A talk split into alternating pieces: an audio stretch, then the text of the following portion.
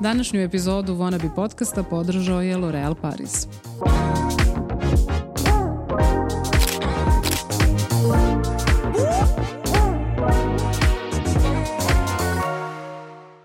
Pozdrav svima i dobrodošli u novu epizodu Wannabe podcasta sa Ninom i Nađom. Današnja tema našeg e, podcasta je žena i rad na sebi, odnosno uh, njen razvoj, a naše današnje sagovornice koje smo posebno odabrali i veliko nam je zadovoljstvo da su danas na, sa nama ovde su Aleksandra Stefanović, uh, autorka knjige Li, Liderstvo u zrnu soli.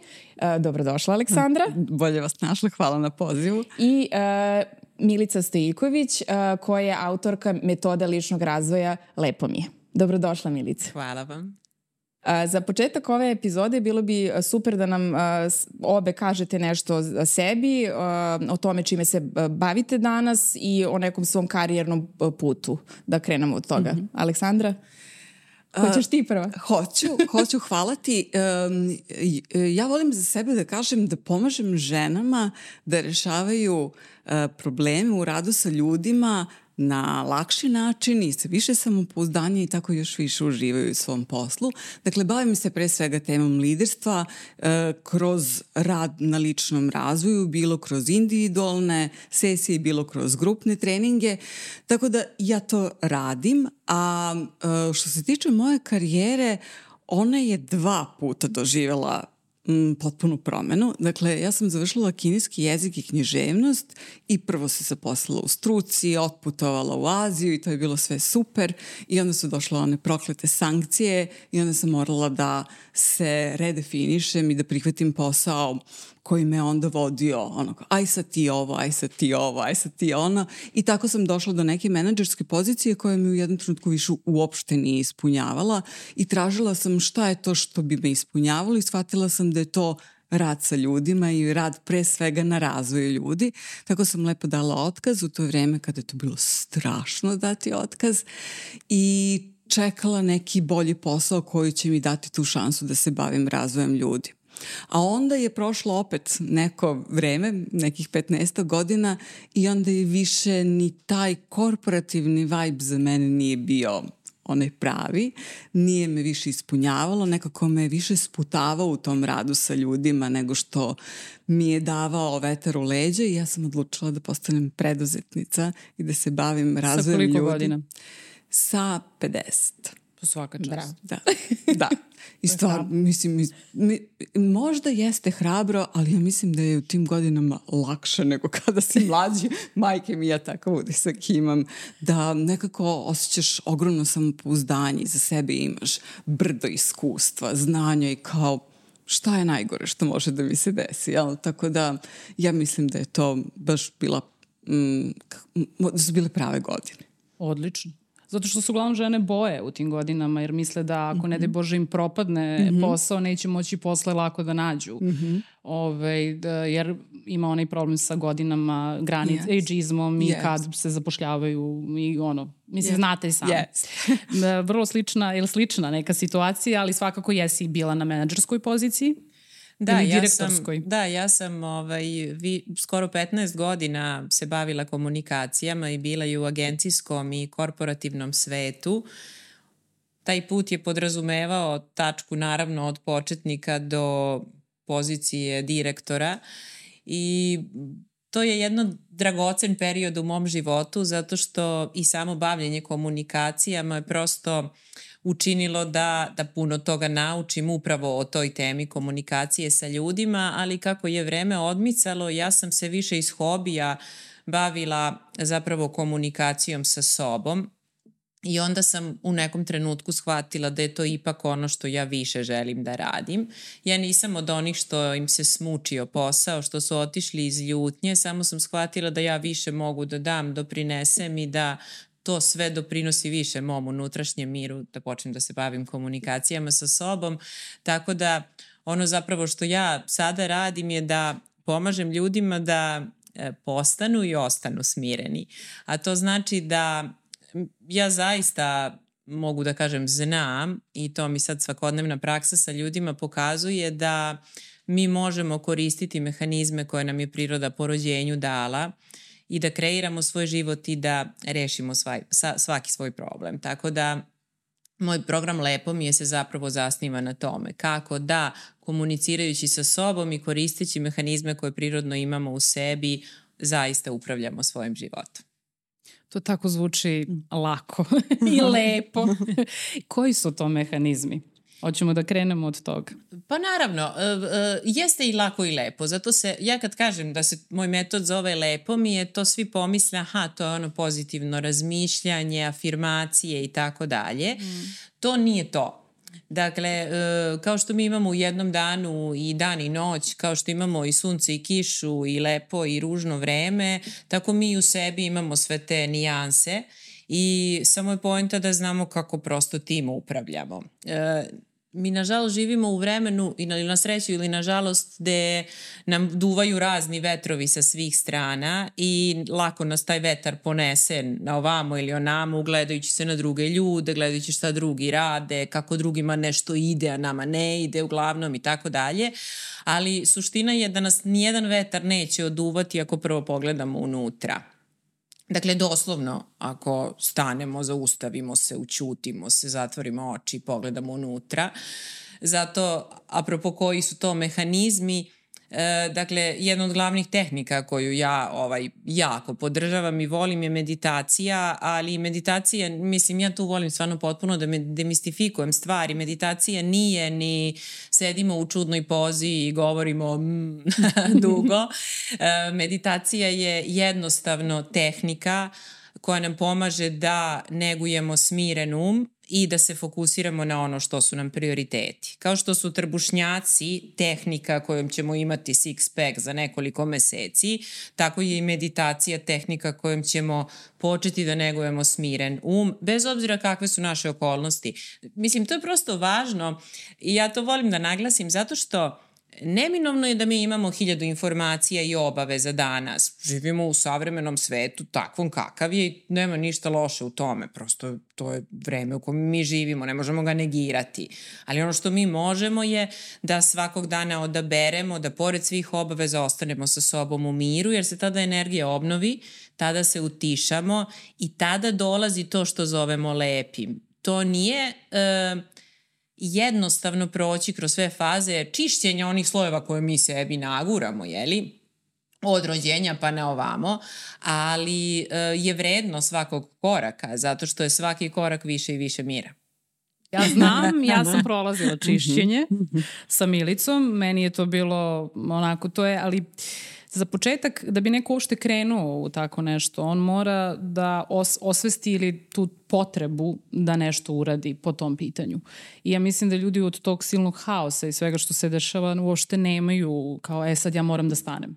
Ja moram to, nije da moram, nego da nekako im se ni ne probudi to kao ideja i zato je naravno važno da pričamo o tome, jer mislim da ljudi ni ne znaju šta sve postoji. Nudi se, priča se o meditaciji, ti na YouTube-u imaš milion i jednu meditaciju yes. i opciju, ti ne znaš šta s tim da radiš. Mm, mislim, je. oni puste nešto i sad oni misle tu će ne znam šta, suštinski ti stvarno moraš, uh, ja sam prošla kroz, uh, ovaj, s tobom, kroz taj program uh, i shvatila sam koliko mi je, ono kad kažu ja ne mogu da meditiram jer su ono imam haos u glavi, odlači, non stop mi se ove, i mešaju misli, ne mogu da se fokusiram na tu jednu stvar. Vremenom, stvarno, eto, apropo treninga, Uh, to je jedina stvar koja mi je očigledno uspela. da kao trenirala sam drugi, ali nije. Mm -hmm. Šalim se. Ove, imam i ja neka trbušnjake kad malo ove, bolje Ove, Kad se bolje fokusira. Fokusu, da. A, ali to je jedina stvar za koju stvarno sam posle tipa već petog ili desetog puta mogla odma da uđem u meditaciju, meditativno stanje i odma da se fokusiram i da mi se ne mešaju. Čak i spoljni zvukovi, a, tako da s te strane to jeste stvarno, može da se istrenira. Pa kad kažem da su prirodni mehanizmi u pitanju, uh, naš um prosto tako radi. Dakle, nema tu nikakvog sad čuda, to je sad neki čarobni štapić koji će nama dovesti dovesti nas u neko stanje.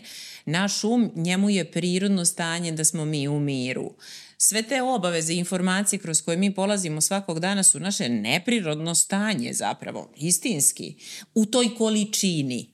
I mi u stvari nama sistem traži da ga vraćamo u ono što mu je prirodno i kad mi to počnemo redovno da radimo, da doslovno treniramo, naš sistem se obraduje dakle, konačno ga vraćamo na ono što nam je prirodno. Pa pogledajte decu. Deca su prirodno radosna. Deci je prirodno obeležije lepo mi je. Dakle, to nam govori da je to naše prirodno stanje, samo što nas puno toga odvuče i, i prosto kad mi vidimo da većina ljudi je takva, nama je lakše poverovati da je prirodno biti u, u visokom nivou stresa. Da. Ali to i dalje nije prirodno. da. A kad si spomenula malo pre da zapravo kroz ponavljanje si došla da. do um, tih smirenih misli, jel? mi stvarno kada pričamo o tehnikama, ako naravno u prvu tačku završimo koja je samo svest, onda je ponavljanje najbolja moguća tehnika da. koju možemo da primenimo. Jel? Dakle, to je možda najveći problem kada pričamo o ličnom razvoju, što se često svede na skupljanje informacija i ostane na toj informaciji. Ja znamo da informacija nije transformacija i da nam zapravo treba da probamo, da ponovimo, da naučimo, da vidimo šta nama paše, šta nama ne paše i da tražimo prosto neki svoj A svi, sve način, to i, jel? Jest, ali ponavljanje nas kreneš? vodi. Da. Znaš kao, ok, postoji sigurno jedna tačka za sve nas odakle bi počeli. Znači, ok, nismo svi isti, nemamo mm -hmm. svi iste probleme i tako dalje, ali koja je ta tačka od koje krećemo svi? Od koje god da krenemo, ajde bar da Krenuli da istrajemo smo. osam nedelja. Da. osam nedelja. Jeste. Osam nedelja je potrebno e, mozgu, fizički, fiziološki i umu da napravi određenu promenu, odnosno da steknemo zaista naviku ili rutinu. Mm. Uh, upravo to uh, lutanje i mnoštvo informacija u kojima smo svi mi svakog dana nam je stvorilo naviku da odemo plitko u nešto, u smislu krenemo i čim nije to dovelo do onog nekog očekivanog mm. rezultata, mi prelazimo na sledeće. Pa to opet prelazimo na sledeće. To je najveća greška. Dakle, to šta god da uradimo, šta god da počnemo, koju god tehniku, samo da istrajemo u njoj. Ne može nešto što mi uh, taložimo u sebi kao destruktivno ili nešto što nas izbacuje iz ravnoteže godinama da se vrati u ravnotežu i u neko stanje stabilno za nedelju dana. Dakle, to kad kažem ovako pa zvuči logično, ali to jako mali procenat ljudi zaista i radi, a zato što smo naviknuti da nam je pažnja rasuta. Dakle, pobeda je u tome da stvarno čega god se uhvatimo i istrajemo i to je te tri nedelje nam treba, od, nedelju danas teramo sebe. Tri nedelje smo već ok ako smo istrajali, a osam zaista pravi promenu. Postoje različite istraživanja koje to potvrđuju, ali ja stvarno iz prakse to mogu da potvrdim. Tih osam nedelja je ključ da se zaista, aha, uđemo u neku novu rutinu. Koja god ona bila. Ja bih voljela da vas pitam samo ono što mislim, uh, mislim da znam odgovor, ali hajde da čujemo i vaše mišljenje. Ako pričamo o tom radu na uh, sebi, vi um, obe radite, prepostavljam da su većinom žene, je li tako? Jesam u pravu ili nisam? Pa kod mene su 20 do 30% i muškarci. Dobro, da. dobro. Pa ovo i dalje. Ali većina su žene. Da, da. da. Ja kad da. radim individualno isključivo su žene, kad radim grupno onda, pošto su korporativni Jeste, cenzi, da, da. zalutaju neki muškarci. I da li je neko vaše mišljenje ili prosto praksa da većinom zapravo žene i rade na sebi i osvešćuju te neke stvari? Šta mislite o, o tome? Kakva su vam iskustva? Pa ja ne mogu da kažem da muškarci ne rade na sebi zato što sam ja ja se baš deklarišem da radim sa ženama i redko kad me neki muškarac i kontaktira da uh, uh, radimo individualno, ali kada su u pitanju grupni treninzi koje radim u korporacijama, ja mogu možda da dam neku subjektivnu ocenu da su žene aktivnije na treninzima, otvorenije da upiju nove informacije, otvorenije da uh, kažu ja nisam sigurna kako to da primenim i da onda otvorimo jedan dijalog i da pričamo zaista o tome, za razliku od muškaraca kojih zaista isto ima, koji su spremni da rade na sebe, ali možda u nešto manjem broju i nekako čini mi se da možda na treninzima onako više slušaju uh, i nisu otvoreni da kažu da nešto ne razumeju, da postave pitanje. Mislim, ima izuzetaka, prosto mi je teško da,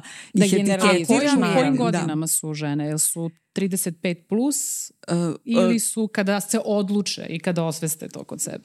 Jer vrlo zanimljivo je sve ove razgovore koje do sada imam, pošto je tema ovog podcasta, mm -hmm. celog serijala žena, sve pričaju o tome da su uz, postale svesne određenih stvari u kasnim 30. Mm -hmm. Bliže 40. i posle 40. Mm -hmm. Znači ja ne znam zašto je tako, valjda nam je sve pre toga bitnije da mm -hmm. namirimo, da, da završimo, da. završi fakultet, e, dajde i rodi decu, nađi posao, mm -hmm. šta već treba da izvedeš, mm -hmm. zadovolji tate, mame, tetke, babe, muškarce, koga već sve treba da namiriš i tek onda kada se deca malo, ono, malo porastu, je kao, ju, ja postojim. Mm -hmm. znači, e, to je, to je, da li to vaše iskustvo ili... Mm -hmm. je... Pa jeste. Ja bih rekla da, da žene negde to 35, pa naviše kreću, aha, da im sijaju lampice, da su se malo previše udaljile od sebe, upravo iz ovih svih mm. razloga.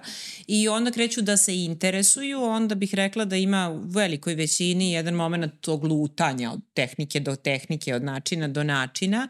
Moje iskustvo je da uh, 43. pa naviše su žene dosta e, disciplinovane. Stvarno bih mogla tako da grupišem. Ovaj, dosta disciplinovane u tome i svesne da zaista hoće nešto da urade dobro za sebe na ovaj način. E, kao i za sve treba malo vreme da se oceni gde, šta, kako, sa čim početi, sa čim nastaviti, upravo ovo što smo rekli na početku, ali, ali rekla bih da negde ta 40-45 su presudne za ostanak u disciplini jel, na tu temu. Da, odlično. A u poslovnom razvoju? Moje iskustvo je slično kada je u pitanju taj, um, kako da kažem, možda taj unutrašnji rad na sebi, kada nije u pitanju razvoj nekih veština. Ali ono što mi je zanimljivo kod žena, sve mlađe žene me kontaktiraju u vezi sa upravljanjem karijerom. Tako da to mi je zanimljiva uh, pojava i to je zaista dobro. Dosvešćujemo ljude, dosvešćujemo i žene da zapravo karijerom mora svesno da se upravlja, da to ne treba da bude neki talas korporativni ili životni koji te nosi, nego da zaista treba da razmišljaš o svojoj budućnosti i da je nekako na neki način oblikuješ i tu već ima onih koji su čak i mlađi od 30 godina koji me kontaktiraju već sa tim. To je sada negde i trend, pa dosta se mm. ovaj, i na društvenim mrežama o tome mhm. priča, mm -hmm. ali kako kreće taj, mislim šta bi bilo kao dobar poslovni razvoj ili sad uglavnom nemamo svi sreću da završimo fakultet koji bi želeli. Neko mm -hmm. ima, neko nema. Mislim, mm -hmm. može da, sad ok, ima više privatnih fakulteta nego što je bilo ranije. Mm -hmm. I onda imaš onu situaciju da završiš fakultet koji je to u posi. pa onda si našo posao, desio ti se, Znači, jer mas, malo uh, nema toliko njih koji razmišljaju, e, sad ću ja da idem na neku praksu, nego nekako ih nosi život mm -hmm. ili ih je neko preporučio ili su imali neki, ne znam, ono, neku ideju šta bi, ali eto, uletelo im je nešto i onda dolazi trenutak kada se ljudi uljuljkaju u tome što rade, čak nisu zadovoljni Znači, rade prosto moraju da rade zbog egzistencije, ali nisu zadovoljni time što rade. Mislim, ja sam neko ko je izabrao sve od početka svoje karijere i ja nisam dobar primer za to, mm -hmm. Ovaj, mada bi mogla da poradim još na svoje, svom poslovnom mm -hmm. razvoju. Činjenica je da možda mi nismo dobar primer, odnosno pre svega Nina, ja sam neko bila koja je možda se teže odlučio na rizik, koja je čekao da mu se neke stvari slože i da prelomi negde, ali šta možemo, šta bi biste posavetovala nekome ko uh, razmišlja o tome da možda promeni svoju uh, karijeru ili generalno ne mora sad ni taj rad na sebi biti vezan za promenu uh, karijere, nego da shvati možda u kom pravcu treba da napreduje dalje. Od čega da krene taj neko? Jel imate neku, ono, da, da kažemo jednu stvar? Mustru. Mustru, mm -hmm. jednu. Pa mislim, svaki razvoj kreće od samosvesti, jel? Prvo moramo da znamo ko smo, šta smo, šta želimo, šta nam je važno u životu, šta nas čini srećnim, šta su naše kvaliteti, šta nas radi, šta nas ne radi. Dakle, ta samosvest je početak svakog razvoja. Dok ne osvestimo nešto, ne, ne znamo odakle da krenemo. I tu se ljudi vrte u krug, jel? I zbog toga kada pričamo o uh, razvoju on ne uspeva kada nam ga neko drugi nameće, jer je onda to nečija druga vizija nas samih ili mi pristanemo na tu viziju pa budemo nesrećni, ali kada krenemo od toga ko smo mi, šta želimo da budemo, kakav naš život treba da bude, onda odatle kreće nastavak, jel? a nastavak je dalje istraživanje, uh, tržišta, ne, ne istraživanje onoga što se sada dešava, nego onoga što će se desiti, šta dolazi, zato što treba da se pripremimo prosto za tu promenu. Ne možemo mi sutra da odemo negde, moramo da vidimo kako da uparimo te naše snage i kvalitete, talente sa onim što će se tek desiti na tržištu imam jedan trening koji se zove Ja imam talenat i ovaj, upravo radim sa ljudima na tome da otkriju svoje snage i da vide šta mogu dalje sa svojom karijerom. I onda uh, u tim razgovorima pričamo upravo o poslovima koje danas postoje, koji nisu postojali pre pet godina i o poslovima koji su postojali pre pet godina, a danas ne postoje. E mi treba da se pripremimo za one poslove koji će doći za pet godina, kroz neko istraživanje, ne samo domaćih i stranih portala šta se oglašava, pošto kod nas poslove uvek dolaze sa malim zakašnjenjem, nego generalno koje su to sposobnosti koje treba da razvijamo, koje će šta god da postoji kao zanimanje, kao neka veština, nama ipak koristiti za, za neku budućnost. Da to otkrijemo u sebi i onda dodatno ovaj, uh, radimo na tome i unapređujemo. A jedna od e, dobrih stvari ili prečica da nađemo šta je to naš kvalitet sada koji posjedujemo jeste šta je to kad radiš, to ti vreme prođe ovako. Jel? I svi mogu da napipaju to. I dakle, ja kad krenem u tu vežbu,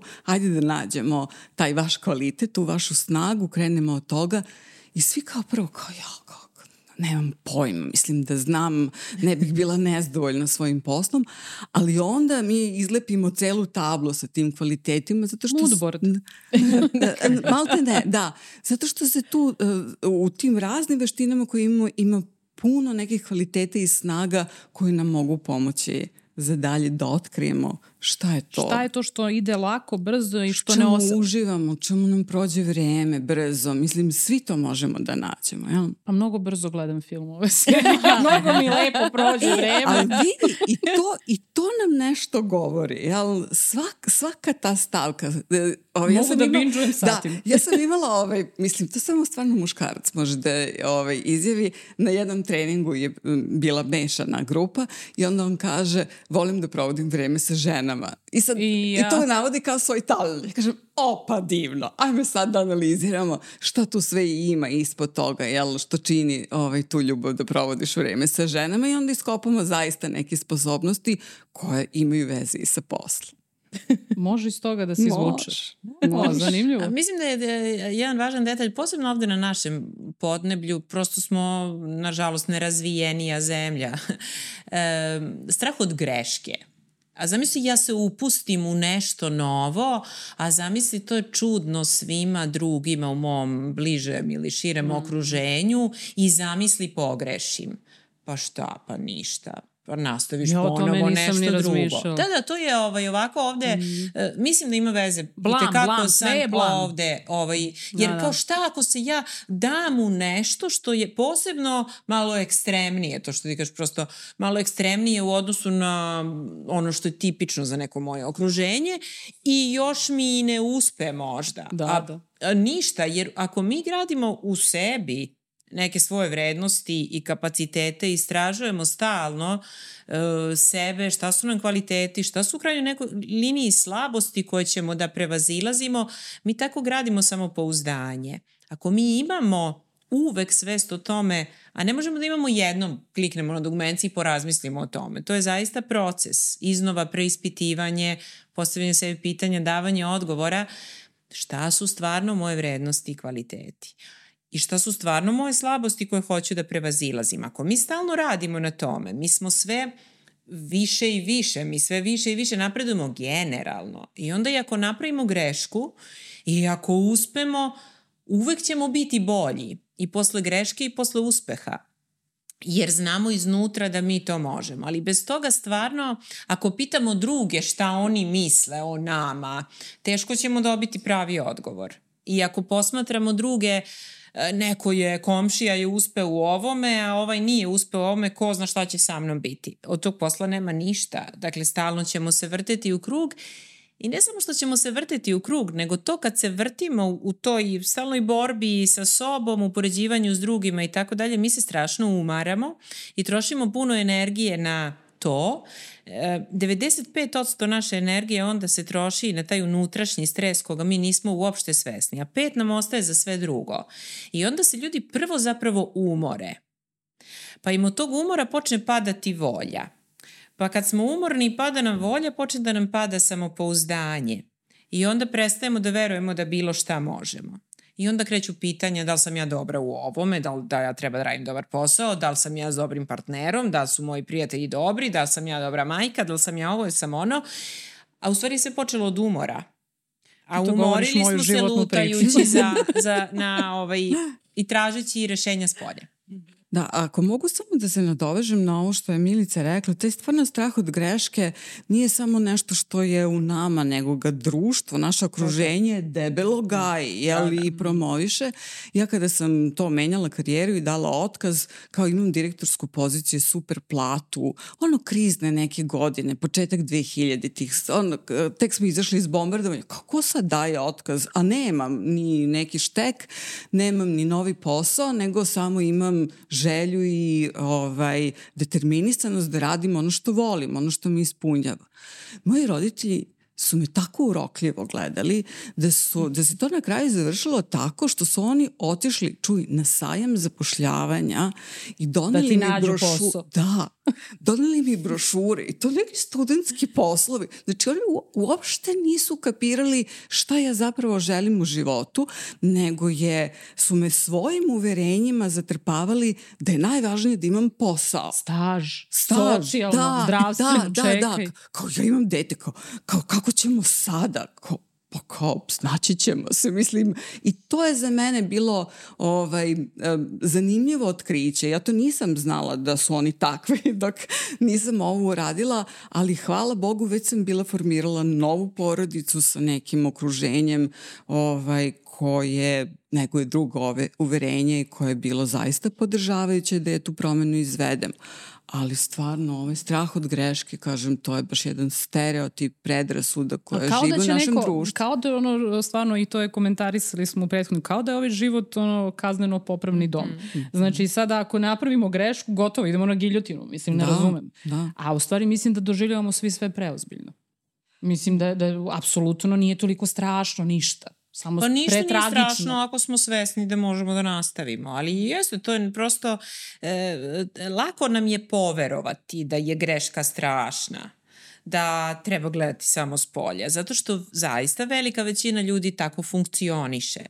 Dakle, prosto, i onda kao, pa dobro što normalno je biti pod tenzijom svaki dan, pa normalno je biti umoran u nekim godinama. Mislim, pa šta, sad kao mala deca, haos, posao, ta mama, pa normalno je biti izgubljeni bez frizure. Pa mislim, normalno je uh, držati se jednog posla kao sigurice. Zašto? Zato što to većina radi. Onda mi kad pogledamo, onda ti stvarno nekad deluješ ko luda kako si sam u nečemu, nekim svojim fiks idejama. Sve dok ne postane vidljiv tvoj rezultat. E kad postane vidljiv tvoj rezultat, tada kreće prihvatanje.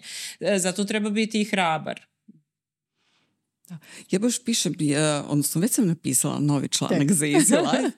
I bavim A obe ste se... i autorke Easy da. Life, da. I baš se bavim um, demistifikacijom nekih narodnih umotvorina. Jedno vreme su te uh, babe life coachevi bile toliko popularne na Instagramu.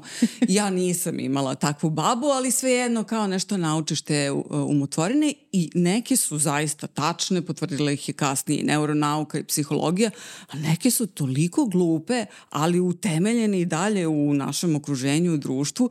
Jedna od tih jeste da mudri uh, ljudi uče na tuđim greškama, a blesavi i ludi na svojim. Jel? I ta, tu je poruka da je grežiti nešto užasno. Jel? Ti ako pogrežeš nisi mudar. Ako ne bi želeo da bude mudar? Jel? I onda se stvara taj neki To ja da sam znao da ću da padnem, ja bi seo. Znači to je taj da, moment, pa kao da. naravno. I onda zapravo se stvara to kao ne, kao greška je nešto najstrašnije, ne smem da rizikujem, moram da igram na tu siguricu, neka je tu samo posao, nema veze što kasni plata, nema veze što je šef strpljen, spašen i tako dalje. Dakle, opet se vraćamo na te umotvorine, a zapravo bez tog rizika i bez te otvorenosti za greške, ali planski nekako ne možemo da napredujemo mislim da za početak bi bilo super da svi odlazimo na posao bez bola u želucu. Mislim, zamisli da to ono, u petak ti je muka, već misliš o ponedeljku mm -hmm. i nije ono, dođe nedelja uveče, presečete mm -hmm. nešto u stomaku. Mm -hmm. Mislim, mm -hmm. to meni bude nekad, nekad, nekad, ali i dalje još uvijek mi nije toliko muka. Mm -hmm. Pritom da se razumemo, potpuno je legitimno da neko odabere da ne zanima da se toliko daje u to i da izabere neki posao koji je više rutina i da neće se zamara oko to te teme i da hoće sigurnu platu i siguricu. To je potpuno legitimno ako je to svestan izbor te osobe. Nemam ništa protiv, mislim da se razumemo, potpuno je okej, okay, kao što ni u školi nisu svi najbolji đaci, ali su možda dobri ljudi i oni koji su loši đaci. Dakle, nema sad, sad avioni i kamioni na sve strane ne moraju da budu, jeli? Ali ovaj, samo je važno da je to naš legitiman izbor. Jer ako to nije naš legitiman izbor i ako ne stojimo iza njega, mi u stvari tad počinje taj umor koji nas vodi sve dublje i dublje u neko stanje koje nije zdrava životna radost. Mislim, budimo realni. Da, ali imaš s te strane strah, a onda imaš to nametnut. Urod, nama mi se plašimo svega, od promaje pa nadalje. Strah nam je očigledno deo tradicije. A onda s druge strane imaš... Uh, strah nam... i blam to je strah, strah od greška. Da, da, da, svi imaju problem da pričaju javno, evo da, mi se ovde da blamiramo. Nemoj da govoriš ako nemaš šta pametno pa da, da kažeš. Da, slično. bolje ćuti, uh, ali imaš taj deo straha, a onda imaš uh, opet s druge strane trend uspeha koji, ono, ako nije ogroman, veliki, u milionima, ti ne postoji, mislim, to je nebitno potpuno ti. Znači, jednostavno, uspeh se meri, ja ne znam čime više. Uh, šta je mera za uspeh u tom poslovnom smislu, jer se potpuno menja. Menja se bukvalno iz godine u godinu. A ja tu imam divan primjer sobstveni. Ovaj, ja sam stvarno završila tu korporativnu karijeru na direktorskoj poziciji. I sad, ok, kad si direktor, imaš dosta tapšača po ramenu. Mislim, imaš dosta. I onda kad sam ja odlučila da, e, ovaj, ja zapravo nisam prestala da budem direktor, samo sam postala direktor u svojoj firmi, kako kažem, ali nema veze, to tako ne zvuči. I onda sam prestala da imam tapšače po ramenu neko vreme, zato što je zvučalo sumanuto da iz nečega što zvuči super, strava i tako dalje, što je taj legitiman uspeh čoveče, e, odjednom ko što sad ti hoćeš, što sad ti radiš. Hoću da kažem, e, dakle, percepcija zvan uspeha se sve sa, smešta u jednu kockicu i to je to, ako si u toj kockici, to zvuči skroz ok. O, većini ljudi, mislim, govorimo o tim tapšačima po ramenu koji te prosto nekako gledaju drugačije, ali treba imati u vidu, prosto to je, to, to je njihova perspektiva. Svako te može gledati na ovaj ili onaj način. Ja nisam imala u tom trenutku potrebu da me niko gleda kao caricu što sam napravila tu promenu. Ja sam samo prosto žela svoj unutrašnji mir i to je bila ideja. Ali stvarno, apropo toga, e, stvarno treba voditi računa da budeš direktor u sobstvenom životu više nego direktor bilo gde i da budeš e, u svom ogledalu uspešna osoba šta god to za tebe značilo umesto da to budeš negde u nekoj toj kockici koja je opšte društveno prihvaćena. Dakle, uh, to je, to je suština Ali stvari. Ali sigurno ste obe osetile nelagodu. Ja uopšte nisam. Milice, ti si specifična. Nisam zato što... Stvarno. nisam, za, meni je više bilo to ovako sociološki zanimljivo. Zato što odjednom se nestanu neki ljudi.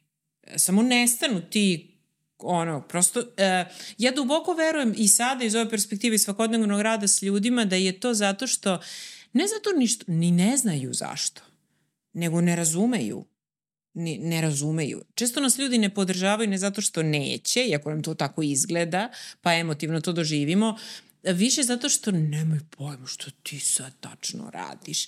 Dok nemamo vidljiv rezultat. Kad je vidljiv rezultat nekako opšte, taj opšte društveno prihvaćen, onda bude sve okej. Okay. A zato je to, to samopouzdanje toliko iznutra važno. Ja moram da priznam da sam ja imala nelagodu i dešavaju mi se i sad periodi da osjećam tu nelagodu i da preispitujem m, tu odluku da budem preduzetnica na ovaj način. Stalno nešto i, i menjam. Jel, ja kako sam zamislila da ću početi pre četiri godine nije ono što danas isključivo radim. Tako da imam tu sumnju i preispitivanje i ja volim tu sumnju zato što me ona tera da se ne uljuljkam u taj uspeh, jel? jer uspeh znamo da je loš učitelj i onda me zapravo te, um, te sumnje teraju da posmatram stvari iz nekog drugog ugla, da se malo odzumiram jeli, iz ove trenutne situacije, iz tog nekog žrvnja koji ponekad melje i da vidim šta zapravo hoću i kakva je Dobro, to je budućnost. sad već preduzetnički taj Tako vibe je. koji na kraju Tako sad je. opet sve smo ovde preduzetnice. Uh, ja mislim da sam se ja već i navikla na taj mm -hmm. uh, ovaj adrenalin i roll coaster koji imaš mm -hmm. i onda sad ja imam osjećaj koliko god bi ja želela mir, mm -hmm. ja mhm. želim taj mir u nekom mm -hmm. trenutku dana, ali mm -hmm. na kraju tebe stvarno taj, ta borba i adrenalin ti, mislim, mm -hmm. da mhm. nemaš te sumnje, ti mm -hmm. ono, bude frka. Mm -hmm. Padneš, ali taj, ta pobeda bude pet yes. puta veća nego da, yes. šta, mislim, kao napravio si dobru prezentaciju mm -hmm. i prezentovao si pred nekim ljudima. Mm -hmm. Mislim, nije isti mm -hmm. vibe. Nije, nije. A ovo su pobede lične na dnevnom nivou. Jeste malo zamorno mm -hmm. posle izvesnog vremena, ali opet kapiram da u korporativnom svetu postoje opet druge mm -hmm. ove problematike. Mm -hmm. Više s tim međuljudskim odnosima u međuljudskim odnosima drugačija je postavka mhm. cela. Mm -hmm. Nije, nije lako biti, vi, vi same sebe zapošljavate mm -hmm. i to je jedna divna stvar. Mm -hmm. I ostanite na tome. E, s druge strane mislim da je to isto u korporativnom svetu. Mi se čini da ljudi kao da ulaze u ring. Pa ono kao, izbegavam, izbegavam, izbegavam udarac, jedan, drugi, jel sam u pravu? Apsolutno, čak se i koriste ti izrazi kao hajde da sparingujemo. Ja kad to čujem, meni stvarno nije dobro, ovaj, zato što nekako to, taj sparing mi ne zvuči na neki, kao neki dijalog konstruktivan, nego ajde ono da se udaramo ovaj, svako svojim uverenjima i stavovima. Tako da, da, u korporativnom svetu postoji korporativna politika, postoji korporativno političar šarenje i nekako moraš da naučiš da plivaš u tom svetu i da prihvataš neke stvari koje ti se apsolutno ne sviđaju. Kako to zvuči političarenje? Neću da kažem veštičarenje. da, da, da, da, da, Meni to nešto tako. Bazi, bazi granično je, znaš, tako da stvarno ovaj, može, ovaj, baš super ovaj asocijacije iskoristit ću. Hvala da, ne znam odakle da, mi. da, da, da. Ovaj, ali jeste, ovaj, u korporacijama verovatno su ti odnosi kompleksni, pa zato što su možda timovi veći i tako dalje, ali ovo što si ti rekla da ostanemo solo, ja ću uh, rado poslušati tu tvoju preporuku i savet. To sam već onako zapisala uh, u svojim ciljevima, jer ovo što je malo pre Milica rekla oko uspeha, svi mi definišemo šta je naš uspeh i meni zaista jedan od uspeha jeste da ne moram više da investiram energiju u druge ljude, jel? Tako da na, na taj način, na da taj ih pokrenem način. za posao. Da ih edukuješ da. na Mogu da ih edukujem ovaj, ovako, da, da, ali ovaj, da radim na njihovom ličnom razvoju, ali znaš kad ti radiš kao trener, dođu ti ljudi koji žele da rade na sebi, jel? Da, da. I to je već velika prednost. A kada si u korporaciji ti imaš ljudi koji ne žele da rade na sebi, koji ne žele ništa da osveste kod sebe. Ne žele nekako... ni da rade za početak, ali... Ima i toga, a ti sa svim tim energijama moraš da žongliraš, jel?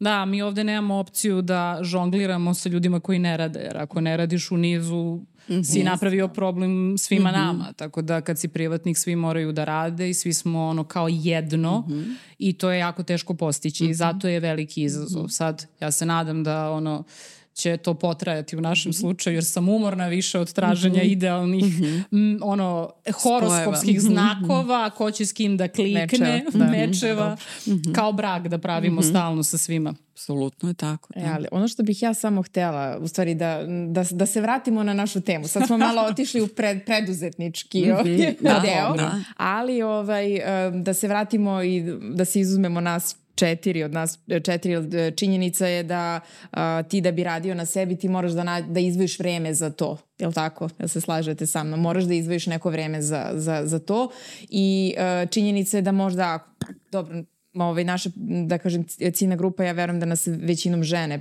prate i verujem da mnoge žene imaju izazove kako i, i izazove kako da krenu da rade na sebi, izazove kako da odvoje vreme za to i sve ovo što ste pričale vezano i za komentare okoline, nerazumevanje, a, počev od porodice, a, a ti imaš toliko uloga koje možda treba da obavljaš, a onda još si možda i sebična pa sad hoćeš da misliš o sebi, da se ti kao šta se ti tu razvijaš. Šta biste po, posavetovali tim ženama koje nisu u poziciji možda da ovaj, kao mi jednostavno shvate da je trenutak sada ja želim da radim na sebi ili treba mi nešto, osvestila sam kod sebe tu neku potrebu za nečim, nešto želim kod sebe da razvijam, šta god to bilo ili u tom nekom ličnom i poslovnom smislu, šta biste posavetovali njima? Mhm. Mm -hmm.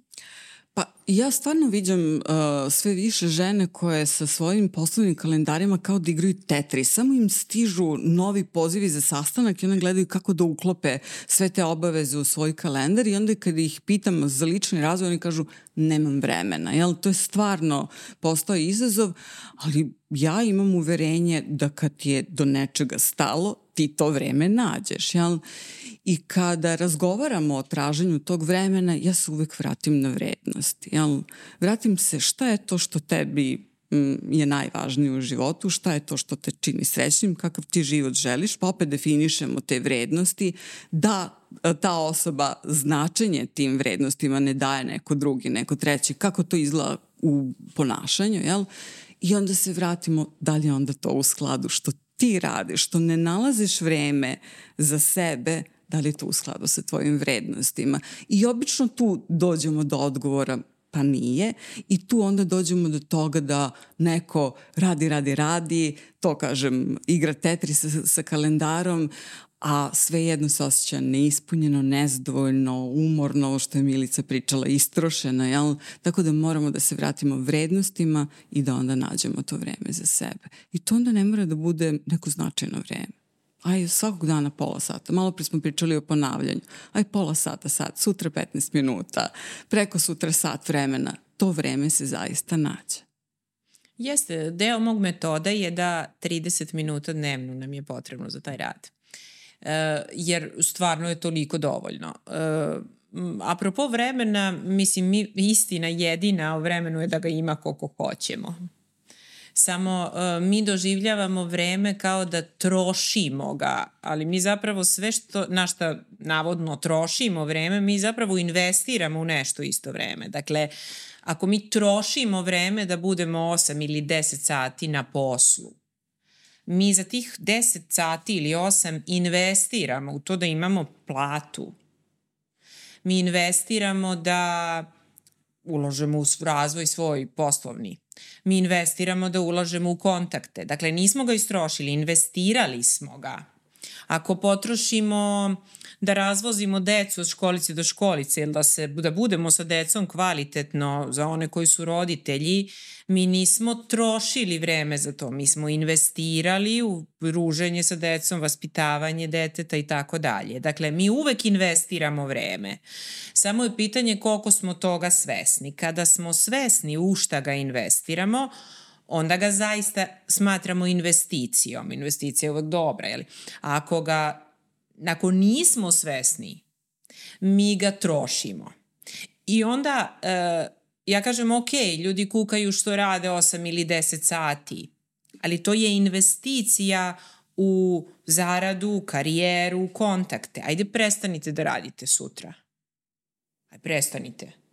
Znači, imate 10 sati viška ipak je to prioritet imati materijalnu sigurnost, imati kontakte, imati e, što znam, razvijati se u karijeri, to je ipak vrednost i to je e, kvalitet života u krajnjoj liniji. Dakle, kada tako posložimo stvari, onda mi shvatimo da nam nije baš da nam leti vreme i da ga troši, nego ga mi investiramo ono što smatramo prioritetom. Kada mi posložimo šta je veći prioritet od kog i napravimo neki redosled pet svojih prioriteta, onda shvatimo da i tekako imamo vremena. Moj najveći prioritet je moj unutrašnji mir. I ja najviše vremena u toku dana trošim za negovanje svog unutrašnjeg mira. To ljudima zvuči čudno, ali to je moja, ta investicija vremena u unutrašnji mir je za mene važna, zato što je taj unutrašnji mir važan meni lično. Meni lično je lično vrlo intimno važan. Važan mi je za moj posao, jer ja ne mogu da radim svoj posao i da, da pomažem ljudima da budu u miru ako ja nisam u miru. Meni je taj posao, meni je mir važan da bih mogla da iskendlujem sve druge obaveze koje imam u toku dana. Kao neko ko vodi svoj posao, ko vodi račun o svim stvarima kome žena vodi kod kuće, o svom detetu i tako dalje. Dakle, to je moje najveća investicija vremena je u to. Zato što je to moj prioritet. Da je nešto drugo prioritet, na to bi išlo određeno vreme. I kad stvari tako posmatramo u vezi sa vremenom, mislim da onda, ha, pa u stvari imamo vremena. Samo e, mi možemo da, e, ljudi kažu pa dobro da, ali izgubim u saobraćaju dva sata. Pa nemoj da izgubiš u saobraćaju dva sata. Mi možemo da vozimo dva sata od tačke A do tačke B i da se nerviramo. Mi tada investiramo dva sata u nerviranje. A mi možemo da vozimo dva sata, pustimo lepu muziku. Mm -hmm mi investiramo onda u radost, u uživanje, u mir, u, zavisi koju smo muziku pustili, jel? Možemo da izgovaramo u sebi neke lepe rečenice, možemo da smišljamo nešto lepo šta ćemo danas da uradimo sa svojim najdražima. To je onda investiranje dva sata i onda tih dva sata u saobraćajnoj gužvi više nema veze sa saobraćajnom gužvom. To su te male cake koje našem umu samo trebaju kao informacija da bi počela da to bude navika. Verujte, ja, ja mrzim da stojim u redu. Ponekad moram u banci, pošti, tamo mama stojim u redu. Ja uvek imam šta radim tad uh, u glavi i onda to vreme prođe. Jer me inače to izbacuje me malo, prosto mi dosadno da stojim u redu. Tako da te male promene uvek to svako može. Mm -hmm. I onda mi uvek investiramo u ono što je dobro umesto da gubimo vreme. Sad je Milica spomenula moju omiljenu temu, a to je kukanje, pošto se kukanje toliko... Uh, Uh, pustilo je takve pipke kroz naše društvo ja stvarno mislim da, da se previše kuka u našem društvu i da je to kao postao neki modus operandi za normalan život. A uh, zaista postoji jedna tehnika koja kod mene uvek radi i kod mojih klijentkinja jako dobro radi kada je u pitanju to kukanje, jer je to zauzimanje pozicije žrtve. I kad kažeš, ja nemam vremena za razvoj, nemam vremena za sebe, nemam vremena za ovo, ili kad se žališ na svoje zaposlene, ili kad se žališ na klijente što ne daju dobar brief, što ne plaćaju i tako dalje. O neplaćanje. Da, da, da.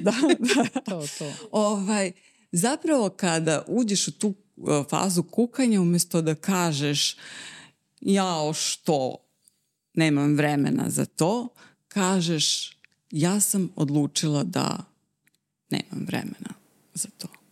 I onda te opali to, da je to stva, zaista tvoja odluka. Jesi čula? Ona možda nije svesna, ali je podsvesna, jel? Ali kada je izgovoriš kao odluku, zvuči strašno. Ja sam odlučila da nemam vremena za sebe. Ja sam odlučila da, da strašno. ne obavim taj zdravstveni pregled, nego da preučinim mm. za nekog drugog. Ja sam odlučila da ostanem na poslu koji ne podnosim samo zato što nemam hrabrosti da krenem u to. Jel?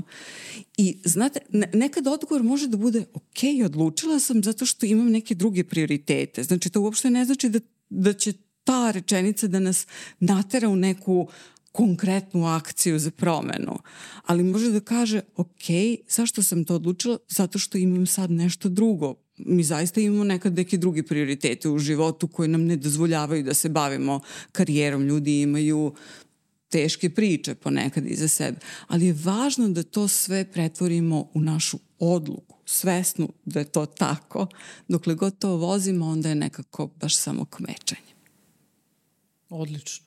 To je zanimljivo zato što e, mi kada donesemo odluku, energija ide tamo.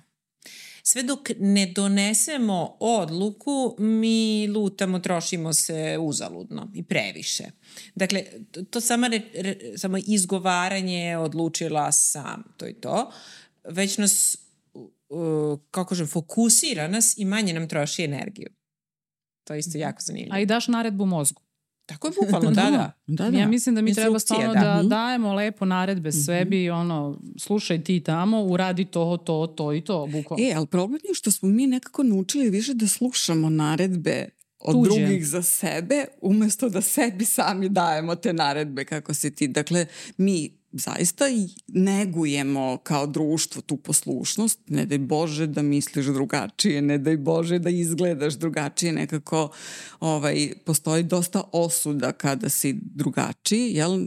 Najbolje da si poslušan, da radiš šta ti se kaže ili kako stereotipi nalažu, tako da um, da, treba da obrnemo igricu ili da popnemo na viši nivo i da kažemo sad ću ja samo i sebi nešto da naredim. Ima isto to da li se govori uh, jesam ili biću. Mm -hmm. Znači to ja mislim da je isto kada bi tri mozgu rekao jesam i kada bi ubedio sebe u ovom trenutku da jesi. Um zna samo za sadašnje vreme. Da. E, Sećam da, da. se časova, pratila sam da, da, da ovaj, ali je zanimljivo, apropo naredbe, kad je nešto naredba ili instrukcija, nema emocije dobre. A ne, mi treba da ga emocija, zamolimo. Emocija da je, dakle, ja nešto hoću je e, tačka A, ali statična je i dalje kategorija. Da bi nešto se pokrenulo, treba mu emocija, emotion, energija u pokretu. Mm -hmm.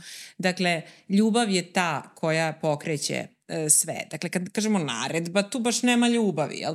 I sad nije ljubav u onom romantičnom smislu. Kao što sam rekla da je i stanje mira naše prirodno stanje, tako i ljubav naše prirodno stanje. Opet pogledajte decu i sve će vam biti jasno. Dakle, sve što smo u životu uradili sa ljubavlju je ono što nas u stvari je ispunilo do kraja.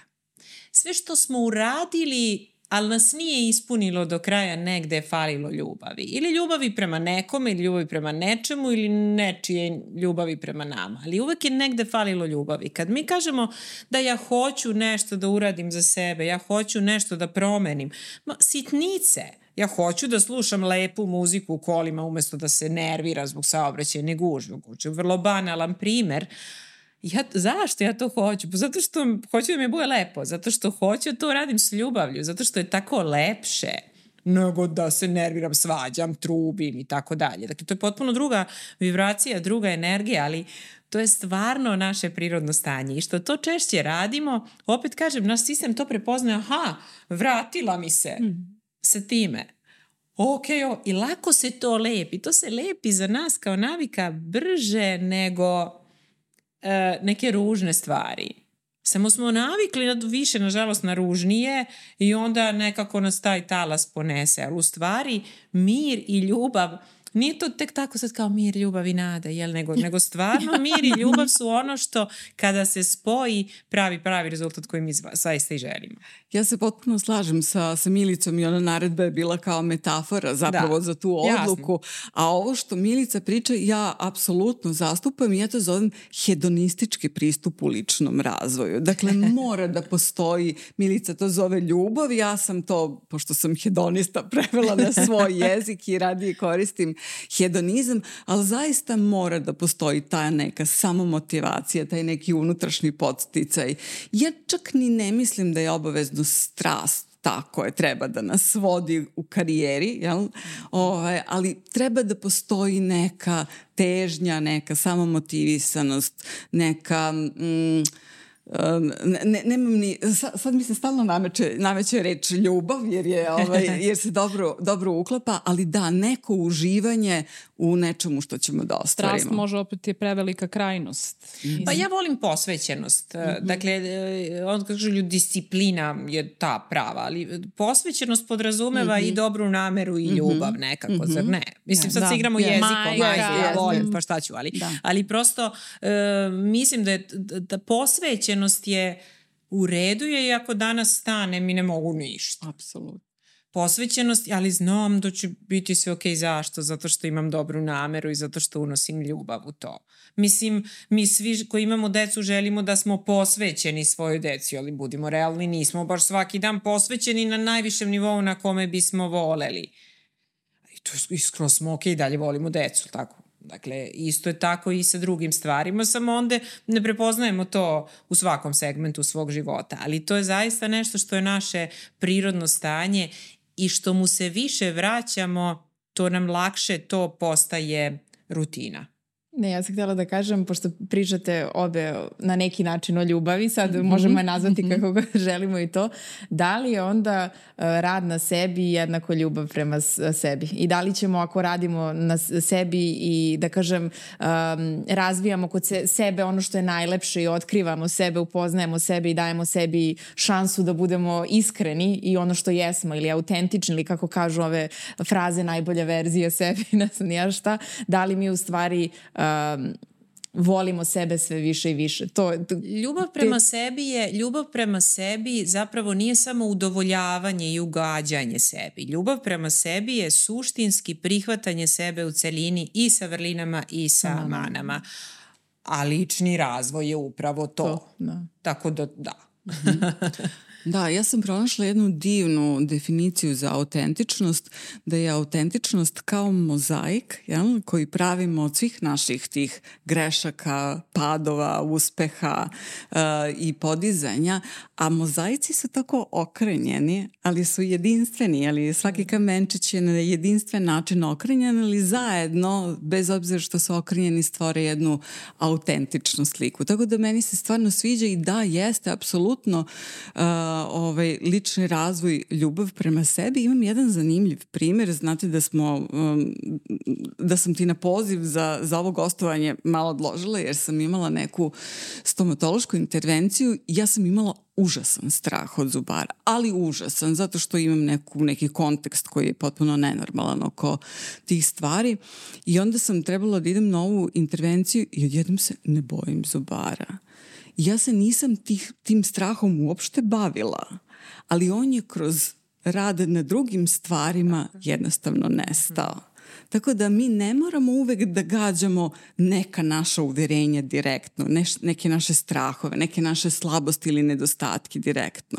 Možemo na mnogim drugim stvarima da radimo, a da onda posledično napredujemo i u drugim oblastima zapravo lični i profesionalni razvoj čine jedno. Odnosno to je razvoj. Absolut. Kako da to kažem, je razvoj. Razvoj. Da, da ja ne znam granicu. Ja ne, ne znam Kao gde je ljubav, jednako da. razvoj. Do, I stvarno sad dok ste pričale, toliko ste obe divno, energetski, onako, toliko ste, imamo osjećaj da ste me mazile sve vreme. Toliko je divna energija. Kad pričate o ljubavi, sijaju vam oči.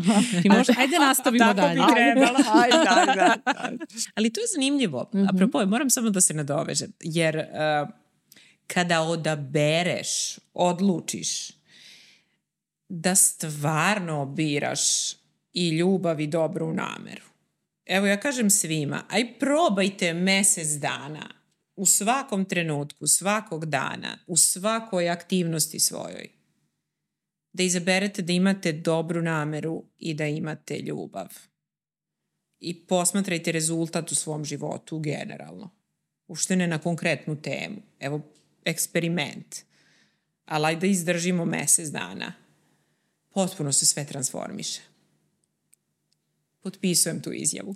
Ja bih isto ovo potpisala. Da. ovaj, uh, ja nadovezat ću se sa izazovom uh, protiv kukanja, um, uh, koji je za mene bio možda nešto ovako. Uh, izazov protiv kukanja kao većina izazova ko, uh, traje 21 dan, ali 21 uz stopni dan. Pod kukanjem se podrazumeva da se ne žališ ni na ako te ne boli zaista, jel? Uh, možeš da kažeš, na primjer, ja osmorila sam se u, u redu u pošti, ali iza toga da ide neka naučna lekcija. Sledeći put ću otići u neko drugo mm -hmm. doba, jel? Mm -hmm. Ili sledeći put ću poneti da nešto radim dok čekam u redu, kao što je rekla Milica Dala nešto. Slušaš podcast ovaj naš, na primjer. Tako je, da. Kukanje je cinizam, sarkazam i kukanje je ogovaranje uh, odnosno priča o drugima sa nekom drugom emocijom nego što bi ljudima rekla direktno u lik. Ja. I 21 dan uh, uopšte nije lako, jel? Uh, I ja kao osvešćena mislila sam da kao lako ću ja taj izazov, ali kao ajde da probam, zato što to je neki kao svetski pokret. Krenemo suprug i ja u novembru. Uh, on odustane prvog dana, pošto je bilo toku svetsko prvenstvo u futbolu i naravno da mora da kuka na nekoga, jel?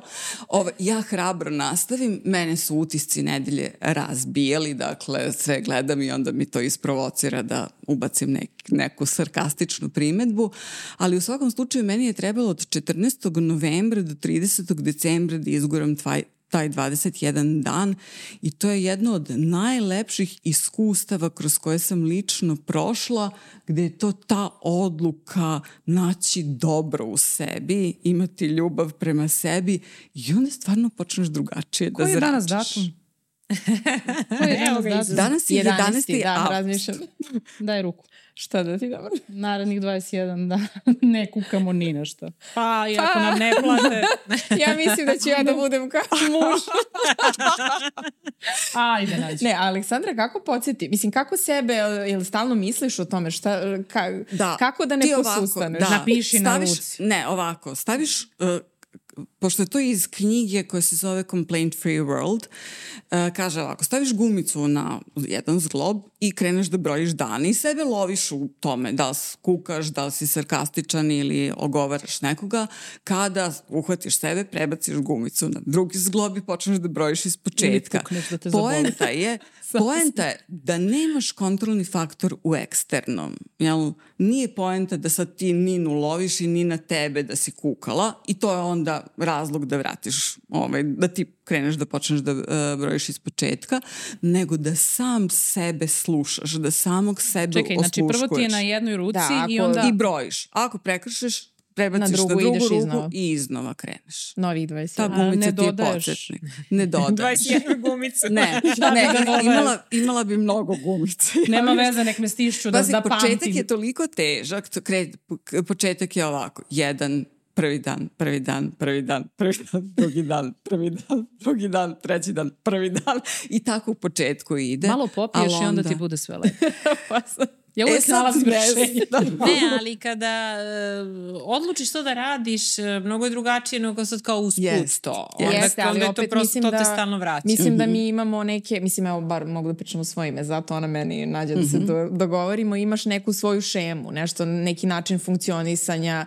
I ako to je, to je podsvesni program, jeste, da. Jeste, i onda ako ti to imaš, a ja znam da ja imam, o, mhm. iskreno govoreći, mm -hmm. zato i kažem, kako da ja sebe restartujem. Mislim, znam da treba vreme, nego prosto ono da svaki put, jer ja ću da to uradim po navici, no. Da. po nekom programu i onda ću da shvatim i onda hajmo iznova. Ali dobar, dobar, dobar pomoćnik u istrajnosti je da e, pre nego što kreneš, kada mm -hmm. odlučiš sve ovo, je da, da odgovoriš sebi zašto to radiš. Da. Jer ako znaš zašto hoćeš da napraviš neki svoj detoks unutra, mm -hmm. šta god to za tebe, zašto mm -hmm. to hoću? Hoću da budem bolja i drugim ljudima i sebi i zbog ovoga i zbog onoga, onda ćete to stalno uh, vući -hmm. napred, uh, da ne posustaneš. Kad ne znamo zašto, onda to baš nije to. Ja to stalno kažem, kad krenemo u teretanu, sad kao dobro je trenirati Pa zato, pa dobro. Mislim, svima nam je onda to za, naše zašto, jel? Ali zašto lično ja hoću da idem baš u teretanu? Zato što hoću da imam trbušnjake, zato što hoću smršan, zato što hoću ovo. To naše lično zašto je ono što nas vozi napred i kad doćemo da posustanemo, setimo se, jer to je u stvari ta vrednost mm -hmm. i prioritet yes. kako me idemo. Mm -hmm. Da, yes. pa jest. jest. Ja ću da probam. Eto. Ja sam odlučila ja ću da te pitam koliko ti je vremena trebalo. E, pa, Zvaću te za jedno mesec dana. Mogu, mogu ja to kad se fokusiram. Znam Milici. e, a znaš, posle ostane i Milica je na početku rekla osam nedelja. Dakle, ovo je sa tri nedelje, to je ono što ti samo za početak stvara neku 21 naviku. Dan. 21 dan uzastopni, to je baš važno da, da naglasimo. Ali ako nastaviš zaista tim putem, a nastaviš, bar sam ja nastavila zato što mi je fantastičan ishod bio, ovaj, onda to postane tvoj način razmišljanja. Ne, ishod je čarolija. Ja tvrdim to. Mm. Dakle, ovaj, zaista je tako. I to nas opet vraća na te prirodne mehanizme. Mi smo tako postavljeni, samo mi to zatrpamo.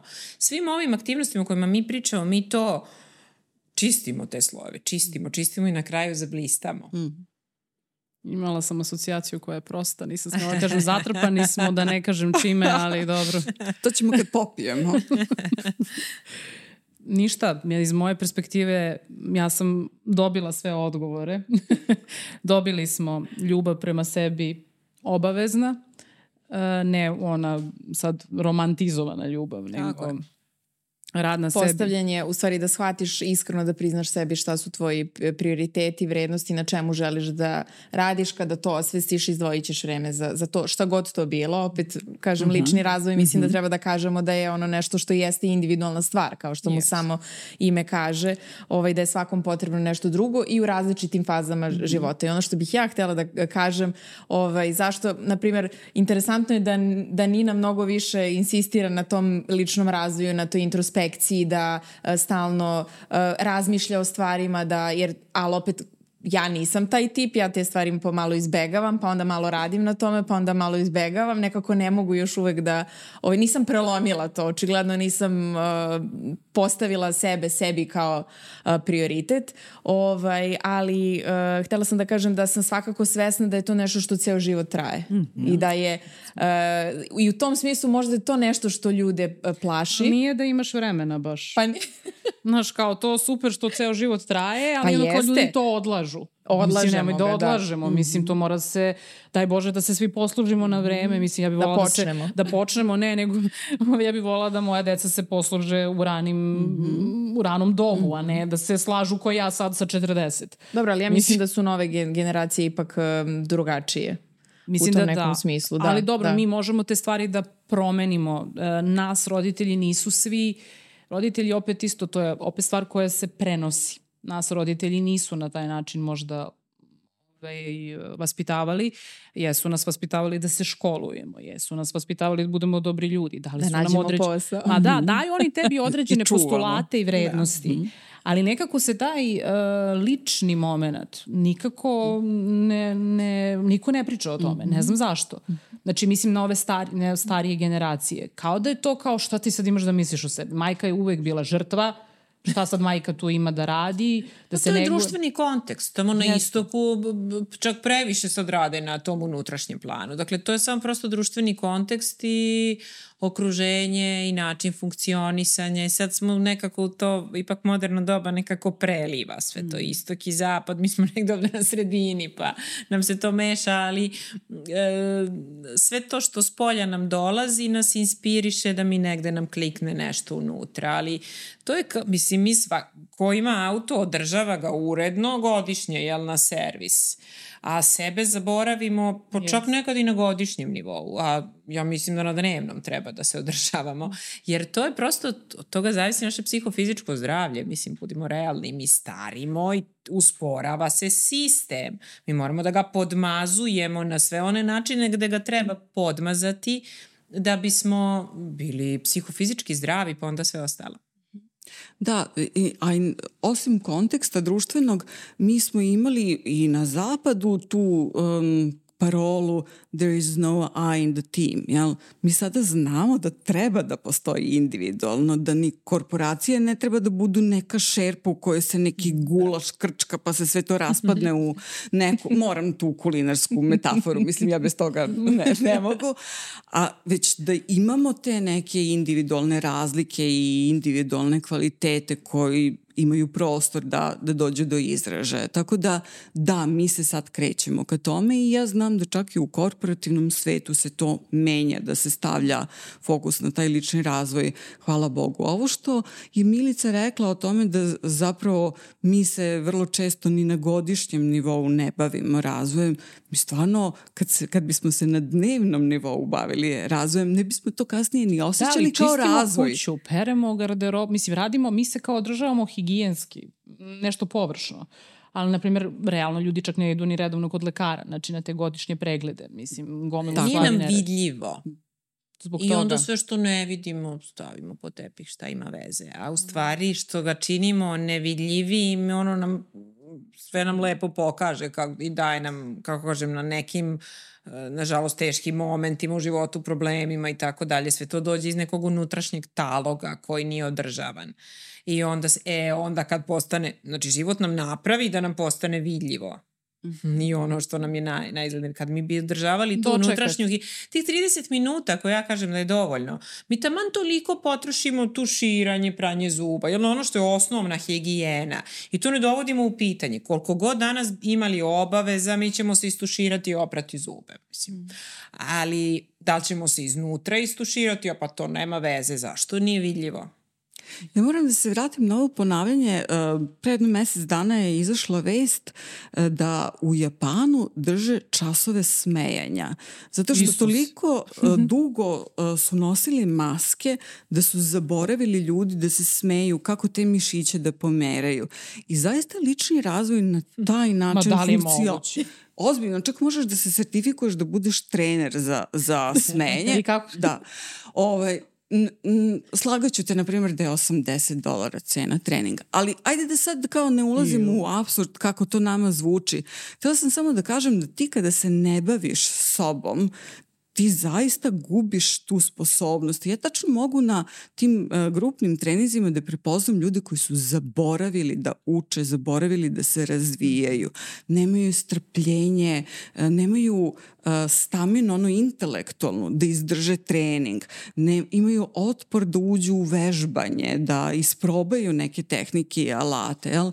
Prosto su zaboravili. Ne mogu da, ne, da, tako je, baš da, su da, ispali kondicije. kondicije. A kada radiš kontinuirano na sebi, to postane tvoj stil života, ti to više ne primećuješ i ne notiraš kao rad na sebi, nego kao ovo što je Milica rekla, pereš zube, tuširaš se šta god, tako da je to tvoje prirodno stanje i to je taj uvežbani mišić intelektualni.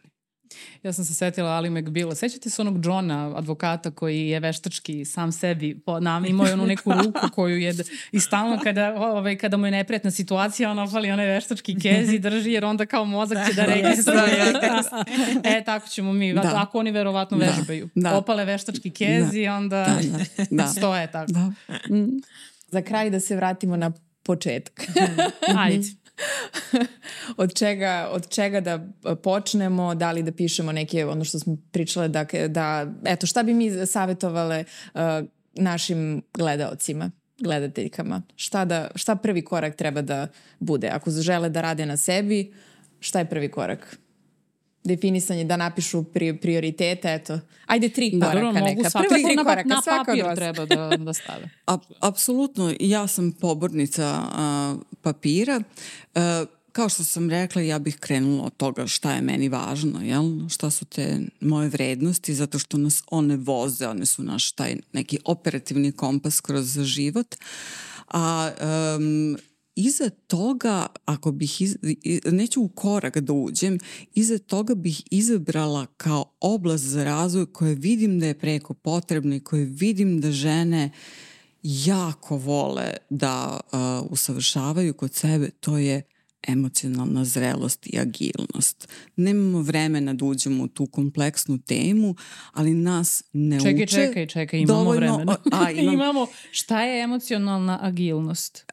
Evo, evo sad ću da kažem, da, dakle, e, samo da se vratim na to da se nama e, fizička zrelost dešava uprkos nama, našim anti-aging tretmanima prirodno.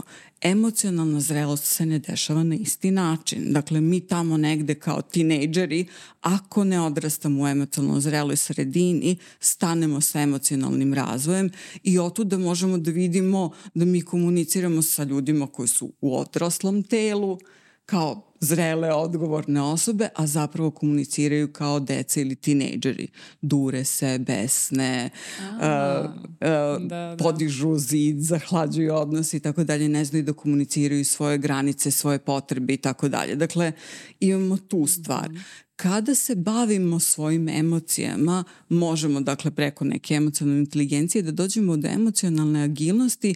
Zašto radije govorimo o agilnosti? Zato što ako želimo agilnost generalno u poslu, jel? a to je da budemo prilagodljivi na date okolnosti koje su jeli, promenljive, da budemo otporniji na pritisak koji se dešava, na nezgode koje nam se dešavaju, pa čak i na ovaj pritisak da budemo pozitivni, jel? Treba nam ta e, svojevrsna psihološka prilagodljivost koju možemo kroz emocionalnu agilnost da, da gradimo. To je da isto kao u emocionalnoj inteligenciji, prvo da smo samosvesni, a onda ne da upravljamo svojim emocijama, nego da znamo kako da ih regulišemo, jel? Mi nemamo taster da kažemo off on base, jel? Ili kao, evo sad neću da budem ljuta. Hm majke ti, jel? nego da zapravo vidimo šta nam te emocije poručuju, jel? jer uvek šalju neku emociju, ovaj, odnosno neku poruku, neku informaciju, emocije i onda da vidimo šta ćemo sa tim informacijama, šta je najpametnije, da imamo promišljenu reakciju na naše emocije, a ne da ovaj, ih nekako potiskujemo ili samo regulišemo. Dakle, to je, to je pre svega emocionalna agilnost, svesna, uh, jedna psihološka prilagodljivost. Hvala na odgovor. Da, da. nema na čemu. Zanimljivo. Meni je to sjajna tema, mnogo Jeste. važna za žene i ja vidim pre svega kod žena potrebu da rade na tome. To je uvek ovaj, nešto što zaokupi njihovo interesovanje i Jer pažnje. reaguju nezrelo u tokom... Reaguju i muškarci i žene nezrelo s tim što vidim... A to je nekako valjda svojstvenije da, muškarcima. S tim što žene možda da. više obraćaju pažnju, ne bih htela da upadnem u neku uverenje ili Dobro, stereotip. Dobro, nećemo generalizaciju da, da radimo. Ovaj, uh, žene možda više obraćaju pažnju, a moguće i da im se dešava da im muškarci govore što si tako emotivna, jel, što tako reaguješ emotivno? I da im to smeta uh, i da bi želele da nekako utišaju te svoje emotivne reakcije. Emocionalna agilnost im pomaže da imaju svoje emocije, ali ovaj, samo da znaju kako pametno da ih da Prvo, zapravo promišljeno odgovore. Ume da oseti nešto i da to potisne i onda da, da to u sebi drži. Neće baš da odreaguje na, mislim da, da je nekako svojstvenije muškoj prirodi da odreaguje u tim mm -hmm. situacijama, da uđe u fajt, mm -hmm. da kaže šta misli, nego što će danas to, mm -hmm. mislim, i danas i inače žena da uradi. Mm -hmm. Tako da one, ali opet treba u tim situacijama isto ja mislim da je stvar izrelosti da ti se zauzmeš za sebe ako treba mm -hmm. i da mhm. se suprotstaviš. Mm -hmm. Jer tu je, na primjer, i onda se, ako se ne suprotstavljaš, ti akumuliraš da. nezadovoljstvo. I to su neki, to su sad opet druge strane, to nije nezrelost, to su strahovi. Mm. To, to je druga vrsta, ima da, ima svega, a ima i te nezrelosti definitivno. Da. Toga Potiskivanje je najgore što možemo sebi da, da uradimo, jel? Potiskivanje nije dobro i mi često imamo te naučene odbranbene mehanizmi od sobstvenih emocija, jel, jer ne učimo toj emocionalnoj zrelosti, ne učimo kako da komuniciramo um, sami sa sobom pa onda i sa drugima, jel? Ali ovaj, uh, učimo se tim nekim mehanizmima. Nekad je to da oćutimo, nekad je to da progutamo, nekad je to da se nadurimo, nekad je da pobesnimo i da smo agresivni. Najčešće prema ljudima koji su nam najbliski, jel, da ih yes. povredimo, to se dešava. A kažem, s druge strane, ta emocionalna agilnost nas vodi ka tome da budemo mudri u proceni kako ćemo da reagujemo a bi ne bilo da reagujemo iz nekog instinkta. Ali to treba da spustiš. Ti sad dobiješ informaciju, smiriš se yes. i onda sad ću ovako smiren, da kažem sve je u redu, jel tako Milice? Pa, Ali to ovaj... se trenira, izvini. Da, da, da, da, to je stvar treninga, kao tenis, da ovaj, yes. učiš, da učiš vožnju, bilo šta, i emocionalna agilnost se trenira, uči i može. Apsolutno, apsolutno, da. E, ja mislim da ključno pitanje na koje ljudi svi e, na ovom svetu treba sebi da odgovore je jel stvarno verujem da je tenzija i visok nivo stresa svakog dana moja neminovnost. Dakle, ali stvarno možemo i da zapišemo, nas pisanje fokusira i da, odgovor, da zapišemo odgovor. Jel stvarno verujemo da je to tako neminovno? Zvuči besmisleno, naravno da sad ne verujemo, mislim, naravno da verujemo da može i drugačije. Ali kad to sebi tako odgovorimo, onda nas to onako malo, ok, zaustavi, jer se ponašamo kao da verujemo. Dakle, u tome što? Da se samo zaustavimo nad tim. E, kad se zaustavimo i shvatimo da zapravo to nije naša neminovnost i da može drugačije, onda krenu da se rađe pitanje dobro što sad treba da radim. Da ne bismo upali u zamku u kojoj smo već zapravo a to je da lutamo tražeći rešenje. Moj predlog je kao drugi, ja bih rekla korak, je da e, zaista odaberemo da svakog dana, bez obzira šta imamo danas da radimo, sednemo makar 15 minuta, ako ne 30. Uz rakicu. Ne, sednemo, umirimo se fizički i zatvorimo oči. Tada energija počinje da se obnavlja i tada e, se ne troši samo, nego kada se obnavlja počinje da se opušta ceo sistem. I misli se smiruju i emocije se regulišu, prosto se zaista fiziološki se pale centri koji nas relaksiraju. Iz tog bazičnog stanja mira koje se vežba, naravno neće za tri dana baš. Ljudi, probam dva dana i aj čao. To, to posla nema ništa, bar to 7, 21 mm -hmm. pa 8 nedelja. Dakle, mi počinjemo onda da vidimo aha, šta je meni ovde višak, šta mene u stvari stresira, šta je meni u stvari prija. I iz toga počinjemo da dobijamo jasnoću i tada ne dolaze odgovori od spolja da li radimo ovo ili ono ili ovu ili petu i tehniku. Samo izsedim 15 minuta u tišini fizički mirno zatvorenih očiju. Dolazi jasnoća šta ja hoću od života, šta hoću na ovu temu, šta hoću na ovu temu a emocije se paralelno sa tim relaksiraju, koje su negde zakočene, umorne i tako dalje, a emocije smo rekli su naša pokretačka snaga. Znači dobijam jasnoću, idem tamo, a ne tamo, idem levo, a ne desno i dobijam energiju da to zaista i uradim. To je dovoljna baza za početak i onda se trenira i fokusira na ono što su i neki, naravno, spoljašnji koraci, jeli. Ali to zaista tako radi. I sve što nam se u životu dešava nas, se nam se dešava terajući nas da uradimo to. A to je prosto, ovo je tehnika, ovo što sam vam rekla, koja radi. Mislim, meni je na 5000 ljudi pokazala da radi. Ja to radim 15 godina sa sobom. Samo je to dovoljno. Ovo je potpuno naučno utemeljeno što Milica da, da. kaže. Dakle, imam ovaj, jako mnogo istraživanja koje potvrđuju sve ovo što je ona rekla. Ja to ne radim i onda ti i ja nađe možemo neki izazov zajednički. da jedna drugoj budemo podrška za tu meditaciju, pošto sam shvatila da i ja ti radiš. Tako da evo nas dve da prelomimo, da radimo. Da. Meni je proletalo vreme, ja ne da. mogu da verujem. Jedan, pa ne možda pričamo ali, dva sata, da. ali nema veze, bilo je da. divno, toliko je bilo, nekako ste mnogo tople. Da. I zagrlila ja glas. Ajmo da se grlimo, isključujte kamere da se zagrlimo. Hvala vam stvarno, ja se nadam da smo pokrile ovaj, sve, mislim sve, ne možemo pokriti da, sve, ovo je tema ali... koja...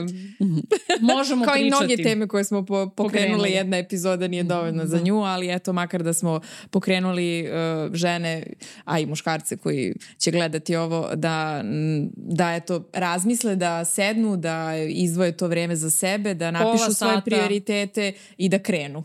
Eto, yes, to je sve što absolut. možemo da uh, očekujemo i da se tome nadamo. Bar Imali ja smo mislim. dobru nameru i da radili smo Jeste, ljubav. Da. I ljubav. Da, I radili smo s ljubav. Baš to, baš to. Hvala, Hvala puno na pozivu. Hvala. Hvala. Ćao. Ćao.